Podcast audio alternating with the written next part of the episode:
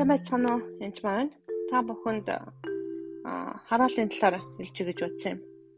Хүмүүс эрүүлийн тухай их ярьдаг л да. Гэтэ хараалын тухай бас мэдэх ёстой. Тоолго 22. Дараа нь Израилийн өгүүд аялан Ерохогийн харалтаа Йорданы чадад мобын хэр тал бодлоо. За ингээд маш олон хүмүүс мобын хэр тал бодолж байгаа юм. Тэгээ мобын тухайн үеийн хаан бол балак гэж юм байна Тэр үед мобын хаан Цифорын хүү Балак гэж байгаа. Тэгээд энэ хүмүүс ерөөсөө за гинт газар нутгад маш олон үе олон мөрөд ирэхээр айж байгаа. Тэгээд айхтаа яаж байгаа гэхээр харагтун Египтээс ард ард түмэн гарч ирсэн байна. Харагтун тэд газрыг газруу бүрхэж миний эсрэг талд амьдарч байна гэж хэлж байгаа. Тийм учраас одоо ирэж тэд мэдний хувьд их хит хүчрэх байгаа тул миний төлөө энэ ард түмнийг хараах тун гэж. Тэр ард түмнийг хараалахаар Балак гэдэг хаан а Балам руу явуулчих хүнийг. Тэгээ Балам гэдэг хүн ямар хүн юм бэ гэхээр а ерөөс нь өрөөгддөг хараас нь хагддаг тийм хүн байгаа. Ингээд тэр хүн очиод заа энэ хүмүүсийг таны ерөөс нь өрөөгддөг хараас нь хагддаг юм чинь нэг хараагаад байгаа ч гэж хэлж байгаа байхгүй юу?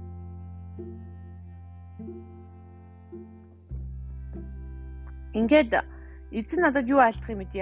Та нар алт мөнгө өгсөн ч одоо нэмэргүй ямар ч гэсэн үзье. Би юу н хараа игээд тэр нөгөө алт мөнгө журнаад ямар ч гэсэн харах гэж байна.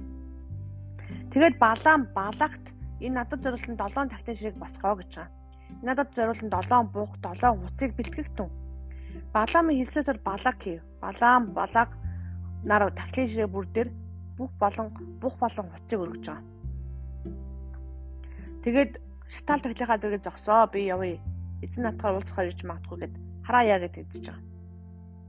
Тэгээ хараах гэж байгаа хооронд өрөөчж байгаа. Бухны хараагаагүй хүнийг би хэрхэн хараах вүлээ гэд хэлж байгаа. Эзний буруу шаагаагүй хүнийг би хэрхэн буруу шааж чадах вүлээ гэж байгаа. Ингээд энэ явдал 3 удаа болж байгаа. Урдаас нь балаг хаан балам тэнгиж хэлж байгаа. Чи надад юу ичх вэ? Би чамайг дайснаар алгаар авчирсан гэсэн чинь гэтэл чи харагдах нь чи жухамдаа тэдний өрөөчж байгаа гэж байгаа.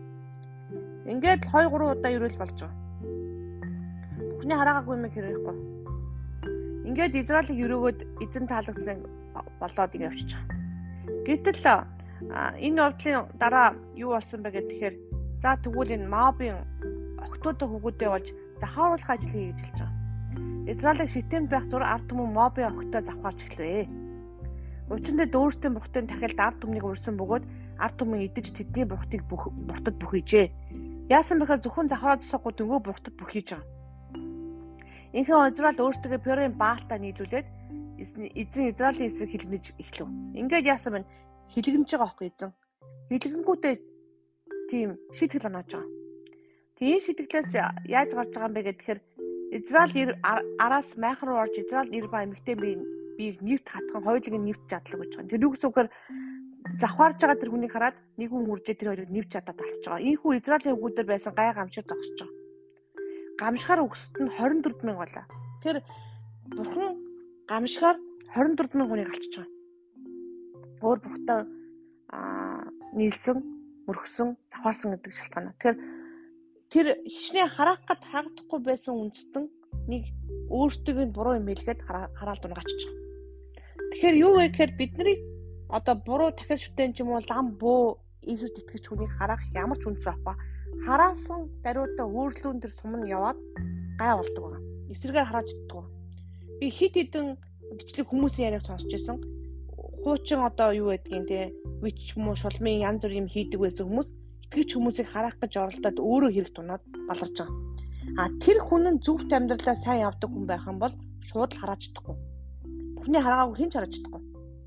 А харин эсэргээрээ зүвт амьдарч чадахгүй хоёр нүртэй завхаардаг өөрөө нэг харахад сайхан итгэж мөртлөө өөрөө зүвт амьдралаар явахгүй хоёр нүртэй нэг дэлхийн амьдралаар нэг сүнсний амьдралаар ингээд хөлн нэг нь бүхний хаанчлалт байгаа юм шиг нөгөөх нь дэлхийн хаанчлалт байгаа юм шиг байх юм бол нөгөө дэлхийн хаанчлалт байгаа газар руу харах тэг үе талгын нэгдээд нэгсэндээ бурхан хамгаалтаа авчдаг л гэсэн үг байхгүй хамгаалтаа авчихаар тэгээ нөгөөдөл чинь дайрах их мэдлэлтэй болчихж байгаа. Ердөөсөө тийм гим нүгэл дуусаас болоод энэ бүхэн үүсэж байгаа. Тэгэхээр эхний ээлжинд гимшиж цэвэрлэх явд маш чухал байгаа. Яг а тэгээ гим нүглээсээ эргэх ёстой. Одоо хийсээр үйлцээр байх юм бол одоо юу юм бэ чамааг бузар шүтээ энэ төр харах боломжтой. Нэг хоёрдугаар энэ тахлын ширээ босгочээж хараад хараад байгаа байхгүй. Тэгэхээр та өөрөө өөртөө тахлын ширээ бузар тахлын ширээ босгочсон бол тэрийг бүгдийг хүчингүү болж бас цэвэрлэх ёстой гэсэн. Тийм учраас нэг юм сайн юм ойлгох хэрэгтэй. Та үнэхээр итгэвч зөвхт хүн байгаад хон дотор сүм явж байгаа бол таны хийн чараач чадахгүй. Хэрэг дотор угаасаа хараад байхгүй. А харин та ямар нэгэн одоо хүлээстэй ямар нэгэн буруу гим нүгэл дунжээсэн тэрийг гимшээгүү цэвэрлээгүү тийм байх юм бол та нар дайрах их мэдл үүсэж байгаа тэр бодож одоо нэгэнд Гэхдээ энд бол бас их айх хэрэггүй эзэн нэгүүлсэнгүй байгаа байхгүй. Буруу мэдж байгаа л нэг зөв иргэнгүүт нь буцаагаад ирэхээр болчихж байгаа байхгүй. Тэгэхээр хин нэгэн өгсөн ч юм уу буруу шийдэгдэж байгаа бүх хүнийг хараад аа нэг чинь бурхан шийдэгч гэж бодож болохгүй. Аа үнэхээр шийдэх тохиолдол байдаг. Чанууд ихээ чануулдаг, хилдэг, үгээрээ хилдэг, хүмүүсээр хилүүлдэг. Бурхан урлагтаа удаан гэдэг ерөөсөө мартаж болохгүй. Үнэхээр болохгүй бол амьдралд янз бүрийн асуудал болдог. Аваар асуулт орж исэн хүмүүсийн бас би мэднэ а зөвхт мөртлөө асуудалд орж байгаа хүмүүс ч гэсэн библиэлд гардаг ба. Тийм учраас та мэрэгэн ухаанаар харж чи гим нүгэл хийсэн учраас энд асуудал дунж байна гэж хэлхээсээ илүү шүүдгэн ганцхан Есүс гэдгийг ерөөсөө мартаж болохгүй. Тийм учраас цагийн тоолго намыг уншаараа тоолгын 22 23 24 25 гээд унших юм бол нэлээ аа эн чинь хараад ирүүлж ийм очтой мэн гэж мэдэрээ. Тэгээд зөвхт байгаа хүнийг хизээж бурхан ерөнхийдөө хараадгүй, хизээж хараахгүй А үнэхээр одоо дуудагдсан тийм онцгой дуудлагатай хүмүүс заримдаа хэцүү замаар явах уу явдаг байгаа.